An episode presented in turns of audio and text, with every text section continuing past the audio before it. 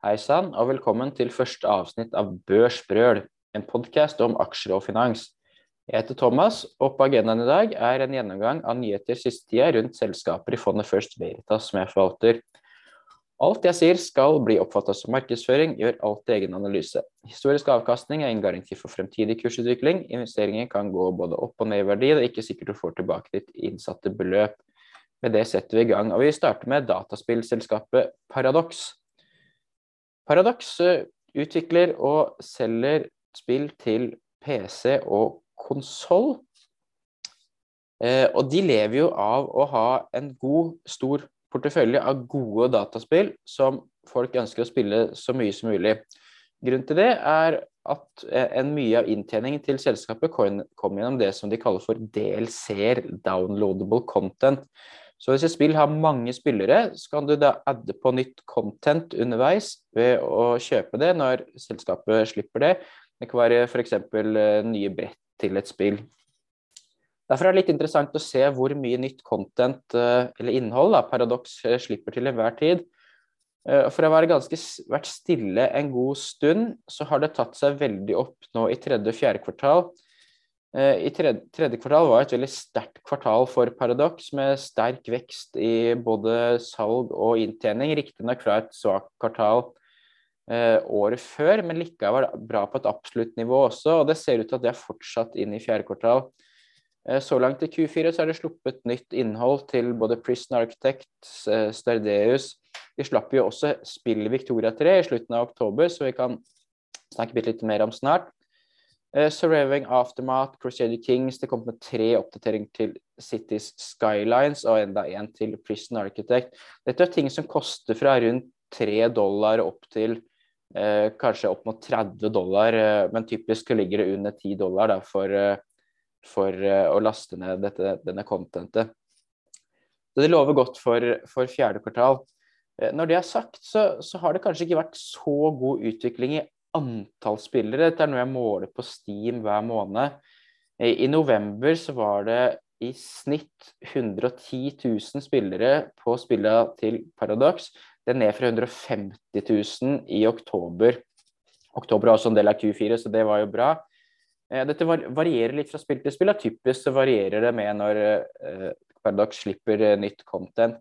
Spesielt var jo Victoria eh, 3 ned i november relativt til oktober. Det er jo litt sånn som det typisk er når du slipper et nytt spill. Så er det mange spillere i førsten. Så er det noen som finner ut at det er et spill de ønsker å fortsette. Så typisk så går det litt ned. Det lå på 20 000 i november mot 47 i oktober, som riktignok var noen få dager, så slapp det på slutten. Også Hearts of Iron og Europa Universalis hadde et fall i november. Så alt i alt da ned 27 eh, måned over måned november, men opp 13% år over år. Så er det også noe det er sluppet helt på slutten, så vi får se hvordan det, det, slår ut. En annen negativ ting for Paradox eh, helt i det siste er jo at dollar har svekka seg mot sekk, som er litt negativt. Det var på rundt 9 i fjerde kvartal i fjor, nå er det på på drøyt 10.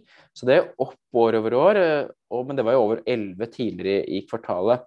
Så alt i alt så vil det ha en positiv effekt også i fjerde kvartal, men kanskje litt mindre enn man kunne trodd for noen uker siden. Det har jo vært en tøff uh, utvikling for spillselskapene hittil i år. Vi har vært eh, heldige som har hatt Paradox, som utvikla seg relativt sett ganske OK. Vesentlig bedre enn f.eks. Embracer, som jeg syns har veldig vrien markedsføring. og uh, også det uh, måten de justerer e-biten på for alle oppkjøp de gjør, som er på en måte som de fleste andre selskaper som kjøper selskaper, ikke gjør, der de justerer bort amortisering. Uh, men også bedre enn f.eks. også Stillfront og, og, G5. Så alt i alt uh, positivt til, til Paradox, men, men, man skal jo ha et balansert bilde på det. Og det har vært nyheter som har gått litt begge veier, så får vi se hvordan det blir mot slutten av året på antall spillere nå med det nye contentet og mot julesesongen som er litt høysesong. Hopper videre til Bahnhof, eh, som også er et stort selskap eh, i fondet. Der ble jeg tipsa om at de har skrudd opp prisen en del på sitt bredbånd, eh, fiberbredbånd, med, med rundt 10% Og det er jo litt interessant med hele bredbåndsmarkedet, som er et relativt konsentrert marked, med noen ganske store spillere der Eh, Telia, Telenor og Tele2 er de tre eh, virkelig store, med Banoff og, Bredbånd 2 som er eh, rett under. Eh, Banoff har tatt markedsdel over, over, lang tid og ser ut til å fortsette å gjøre det. Selv om markedet er noe mer metta nå enn det har vært tidligere, så hadde det fortsatt en vekst i markedet på 6,2 eh, for fiber når vi ser på første halvårstallet relativt til første halvår eh, neste år. Men Banoff eh, vokser både med markedet, men de tar også, også markedsdel. Så kan vi kanskje håpe da, at du får enda mer kall det prisdisiplin, sånn som vi kanskje har sett i forsikringsmarkedet, der, mange, der selskapene virkelig har uh, høy lønnsomhet. Ikke så gærent her heller, men, men likevel så tror jeg det kan være fortsatt mer oppside i lønnsomheten til, til uh, selskapene. Og så tror jeg også det er motstandsdyktig. Vi får jo dårligere råd alle sammen med uh, høy inflasjon, strømpriser og dyrere bens og hva det måtte være. Men jeg tror ikke bredbånd er det du først går og, og kutter ut, i hvert fall. La oss hoppe videre til uh, AF-gruppen. Uh, der har jo Statistisk sentralbyrå, SSB, kommet med tall. De gjør det hver måned på hvordan byggekostindeksen utvikler seg. Og i november så var den opp en prosent. Eh, fra forrige måned, fra oktober. Og det er litt høyere veksttakt enn jeg har sett de siste månedene. Eh, det som trekker ned, er trelast og stål, mens betong og arbeidskraft er opp. Så i sum litt opp, og det er negativt for AF-gruppen at det blir dyrere å bygge. Fordi for det første så må de ta noe av denne prisrisikoen sjøl. Og for det andre, når det blir dyrere å bygge, så blir etterspørselen etter å bygge nytt eh, også negativt påvirka. Når det gjelder betong eh, og sement, så hørte jeg på CEO i Selvåg bolig, eh, der han var på Finansavisen sin børsmorgen, eller hva det, hva det heter. Og eh, var ikke så veldig positivt at betongprisen skulle komme ned på det, i det korte bildet. Det er også litt negativt. Vi har også sett samme mønster i, i sum i Sverige. Så skal vi huske på et par ting, og det er at tømmerprisene nå er ned 77% fra piken. Og dette er jo noe som er lagging. så at, at tømmerprisen kommer til å komme ned for, i den reelle byggekosten også, er jo noe som kommer til å skje. Det tar uh, tid før dette kommer inn i regnskapene. Det er mange ledd her som skal få justert på prisene sine. Husk at det er mye spøk om balkonger i var det fjor sommer eller når det var, at uh, balkongen har steget masse i verdi, for den er bygd av, uh, av plank. Men dette er jo også litt definisjonen av en syklus. Da. Vi leser jo om at nå går boligprisene og eiendomsprisene ned, samtidig går byggeprisene opp.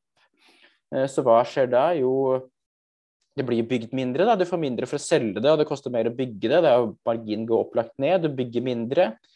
Hva som etterspørselen? Det får vi se på, men uh, i hvert fall når tilbudet går mye ned, uh, og det blir mindre etterspurt etter disse råvarepri, uh, råvarene også, så er det naturlig at da vil de etter hvert justere seg ned og tilbudet er gått ned, eh, og så blir det billigere å bygge, og så er det kanskje for lavt tilbud relativt til spørselen, så at balansen blir bedre. Dette er definisjonen av en syklus. Så ikke veldig stressa. Det som er viktig i sykluser, er å stå igjennom og kanskje til og med styrke posisjonen. For det første gjennom å ikke gå konkurs, og for det andre kunne vokse lønnsom enten gjennom oppkjøp, ansettelser eller styrke posisjonen sin, som typisk gode selskaper gjør. For AF-gruppen sin del så er bygg en viktig del, men en annen veldig viktig del for de er jo anlegg eh, som de får typisk få, men store kontrakter. og har fått et par nå i fjerde kvartal med bygg av et vannrenseanlegg til en verdi av 3 milliarder, og også bygge en kabeltunnel til 1,8 milliarder. Med store kontrakter for, for AF-gruppen. Så de har nok nok å pusle med, selv om det er ikke alt som går deres vei nå. Så er nok også det at eh, ting svinger litt, bra så lenge det går eh, litt rett vei på, på sikt, fordi du står styrka gjennom, som nevnt hoppe videre til eh, gjenåpning av Kina, som det har vært mye snakk om i det siste, med de strenge covid-restriksjonene som de har hatt. Når de åpner opp på det, så, så er det noen effekter på selskapene i, i fondet også. og Vi kan jo begynne med Kåne, heiselskap som sikkert mange kjenner til. I 2021 så hadde de 35% av salget i Kina, og med de strenge restriksjonene så har det vært vanskelig å drive mye business.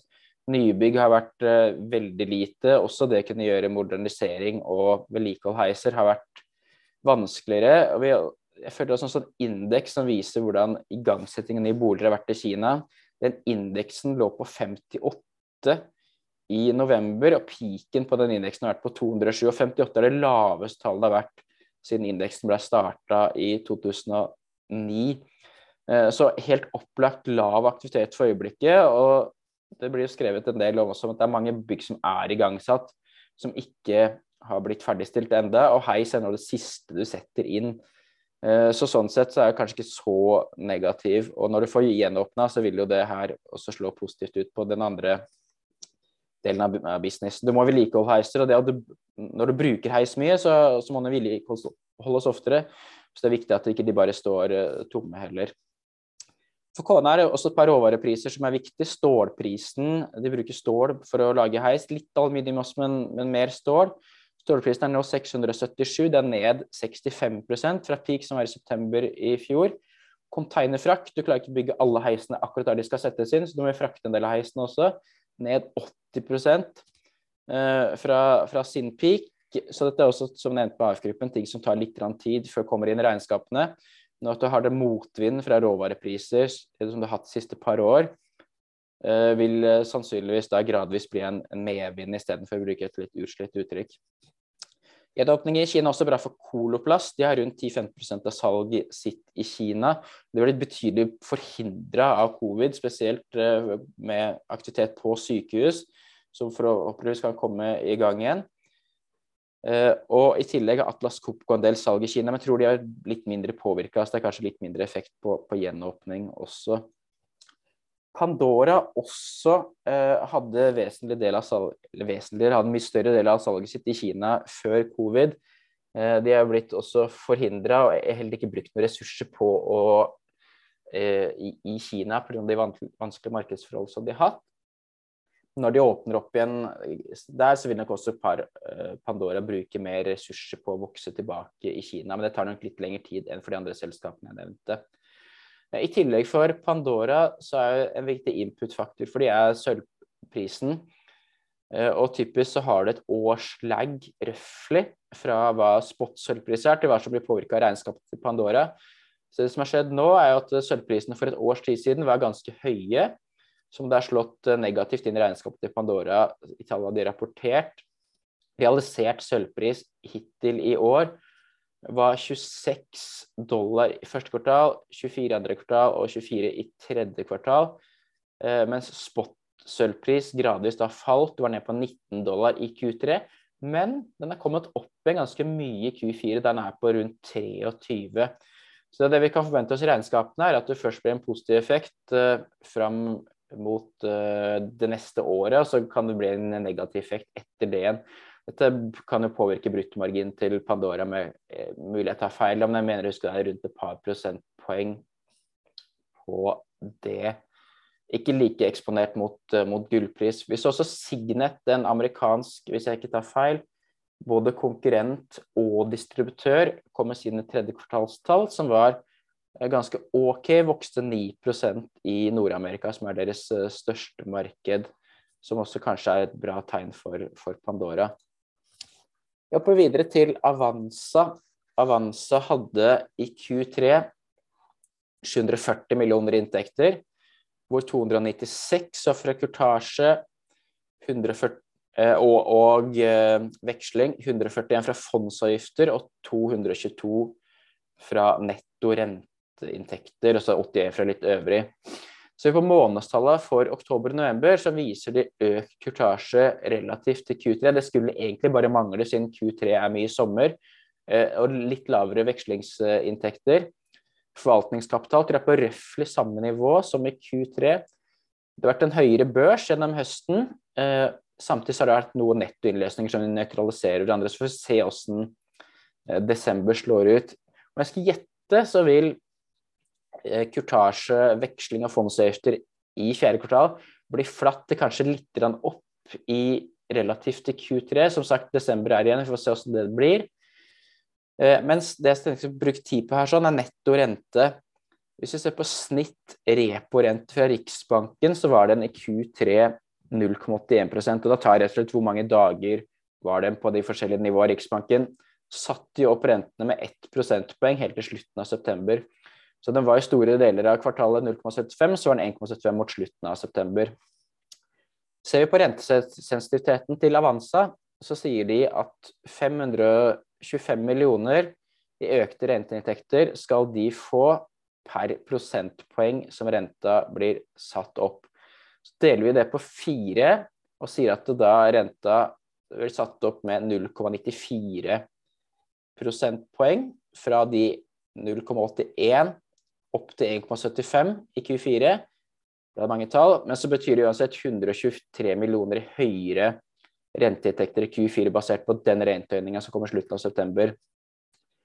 Men så satte Riksbanken opp eh, renta videre med 0,75 nå i slutten av november.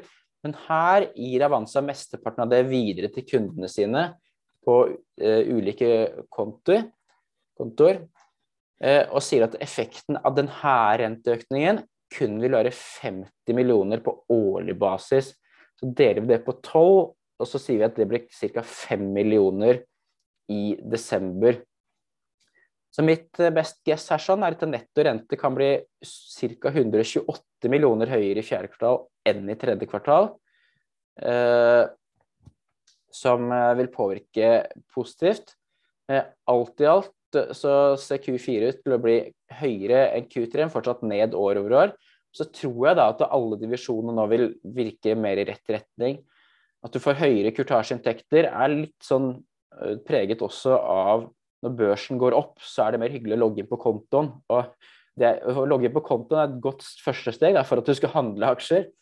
Eh, så ta med oss det. og Samtidig når børsen er høyere, så vil fondsavgiftene også bli, høy, bli høyere. Så får vi se hvordan hele netto sparing kommer til å utvikle seg. Alt i alt er nok høy eh, og voksende børs bra for Avanza, og videre stigende rente betyr eh, mye mindre. Hoppe videre til SimCorp, skal ikke bruke så veldig mye tid på det. Det har vært en dårlig investering eh, for oss. Og det har vært fordi det har vært dårlige tall også. De har hatt dårlige tall i hele 2022 så langt. De holdt guidingen, sa at det blir nok vanskelig å komme noe særlig over helt i nedre ende. Det har kommet med en god del kontrakter i, i fjerde kvartal, senest en i går med et selskap til Intec. Eh, det er vanskelig å vite hvor mye effekt alle disse kontraktene de har kommet med her. De kom igjen med en annen en 12.12. med Alabama. De kom også med noen tidligere i kvartalet 1.12 og eh, et par før det. Så vi ser hvordan det blir, hvordan de, de regnskapsfører. Dette er et SAS-selskap, som skal, typisk er det jo sånne livslengdekontrakter som blir bokført eh, gradvis, men eh, det er jo ulike måter å gjøre det på basert på hvordan kontrakten er. Så vi får se. Men det skal bli godt gjøres å gjøre det noe verre enn det gjorde i 2022 i hvert fall. Så kanskje vi kan se på et bedre år i tida framover. Videre til EVO, Evolution Gaming, eh, eller Evolution som det heter nå. Der kom det et par nyheter. Eh, fra Malta så ventes det nå, eller det er blitt bestemt, at skatt skal være minimum 15% og det blir vel fra 2024 opp fra de 7% som EVO betaler i dag. Rent matematisk så betyr det en 8-9 lavere EPS fra 2024. Dette har vært nyhet som har vært spekulert i lenge, og det har vært, jeg syns kursen har falt på det noen ganger. Når denne nyheten kom nå, så var kursen ned 4-5 husker ikke nøyaktig. Så det er vel OK. Det er aldri helt prisa ennå. Det virker som det er mer bestemt. Så, så kursen har vært ned eh, nok ganger på det. Men nå er det, får vi kanskje håpe markedet setter pris på at det, det, blir sånn at de spekulasjonene er forbi. I tillegg en eh, god nyhet eh, potensielt. der Indiana, den amerikanske staten med knappe sju millioner innbyggere, sier at de ønsker å pushe gjennom uh, online kasino når den såkalt legislative cycle picks up again in January 2023. When it does, lawmakers will try to push a new online casino bill through the state's legislative process. Så, så det er jo bra. Det er vel et sted mellom seks og sju stater som har åpent for online kasino i USA i dag. Det er vel en av de som er kun uh, poker. De største er New Jersey, Pennsylvania, Michigan. Jeg tror Indiana kan ligne mest på Michigan sånn i antall innbyggere, og det er bra for, eh, for de å få uh, regulert det sånn. Både med tanke på skatteinntekter og få bort svarte eller gråmarkedsspillere, og da kunne ha et regulert marked der også spillerne blir beskytta på sine måter, og det er mange ting som ikke er lov. Så litt på begge sider i EVO, så skal vi avslutte egentlig omtrent med Kindred eller Unibet. Jeg er jo, er jo AFC Wimbledon-fan, så det gjør jo at fotball kanskje ikke har vært så mye glede de siste åra. Men jeg har fått meg et uh, nytt favorittlag, og det er egentlig Unibet. Så jeg, ser på fotball nå, så prøver jeg å holde med det laget som gagner Unibet mest. da. Kanskje men vi kaller det litt kaldt og kynisk, men uh, det får nå så være. Vi er helt til slutten av, av, VM nå, og det er jo noen ting som typisk blir påvirker bettingselskapene. typisk så tjener selskapene når favoritten taper. Det kommer et overraskende resultat. Det har vi hatt en god del av, spesielt i begynnelsen av VM. Blant annet største overraskelse kanskje når Saudi-Arabia slo Argentina, som nå er i finalen. Eh, alt i alt så har det så langt eh, av alle kampene som har blitt spilt, så har 33 endt med favorittseier, 14 har blitt uavgjort, og 15 så har underdogen vunnet. Det har vært eh, 62 kamper så langt. Snittodds på rett utfall har vært 3,32. Eh, og så er det jo også viktig for Kindred at de landa som de er, eh, har stor eksponering i, går så langt som mulig. Men som sagt, helst uten at favorittene skal vinne hele tida. Før jeg går inn på land, så, det, så la også Kindred ut en sånn halftime update på VM. Der de sier at gradvis så har folk begynt å spille mer på underdogen, kanskje spesielt Marokko, som har vært favoritt-underdogen. Det har blitt spilt mer og mer på det, så kanskje det historiske mønsteret har endra seg litt. Og nå har jo da favorittene vunnet mer i det siste. Så får vi se hvordan alt det her, hvordan alt det her slår ut. I tillegg for VM så er det jo litt bedre tidssone for Europa. Kampene har gått fra klokka fire på ettermiddagen til eh, åtte på kvelden. Eh, som er bedre for den europeiske tidssonen. Så får vi se hvordan det slår ut. De fire største markedene for Kindred har vært England, Frankrike, Belgia og Sverige. Eh, England kommer ganske langt, men røyk ut mot Frankrike, som var det nest største markedet. Belgia røyk dessverre ut allerede i innledningsrundene. Kindred har også vært eksponert da i Danmark, Australia også, til, også, i USA og Canada, selv om de er veldig små der. Kanskje det var bra at USA røyker tidlig, da, fordi da Eh, folk spiller mindre på, på, fotball og kanskje mer på kasino, så det er bra for EVO igjen. Vi får som sagt se hvordan alt slår ut. Men jeg tror i, i sum så har det vært positivt for, eh, for Kindred hvordan VM har eh, spilt seg ut så langt. Jeg syns det har vært gøy å følge med. Nå er det jo da bronsefinale på lørdag, og finalen kom på, på søndag. Jeg tror, jeg tror, altså, en annen ting er at Frankrike i den halftime-updaten så skriver også Kinder at Frankrike har vært looking at the teams that have been most backed. We find France with 31% of all bets. Så kanskje da, for Kinders del skal vi håpe at Argentina vinner, eller i hvert fall Frankrike ikke vinner etter fulltid eh, i finalen eh, nok en gang. Helt kaldt og kynisk eh, fra min side. Ok, Helt avslutningsvis så eh, negativ nyhet for Veristad Nei, Veristad, hva er det jeg sier for noe? Veritas. Eh, vi mista en stjerne i Morningstar, så nå er nede på fire stjerner fra fem. Håper vi kommer tilbake igjen, men det er nå fakta akkurat så langt. Dette var den første podkasten jeg noensinne har spilt inn på den måten her, sånn, så jeg vil veldig gjerne ha tips og råd til forbedringer og temaer og tap osv. Det, det er jo viktig å ikke starte på topp, og det tror jeg ikke jeg har gjort heller, for å si det sånn. Eh, sånn at man kan ha litt forbedring underveis. Så gjerne, gjerne Eh, feedback. Det hadde jeg satt stor pris på. Tusen takk for at du hørte på, og god dag videre.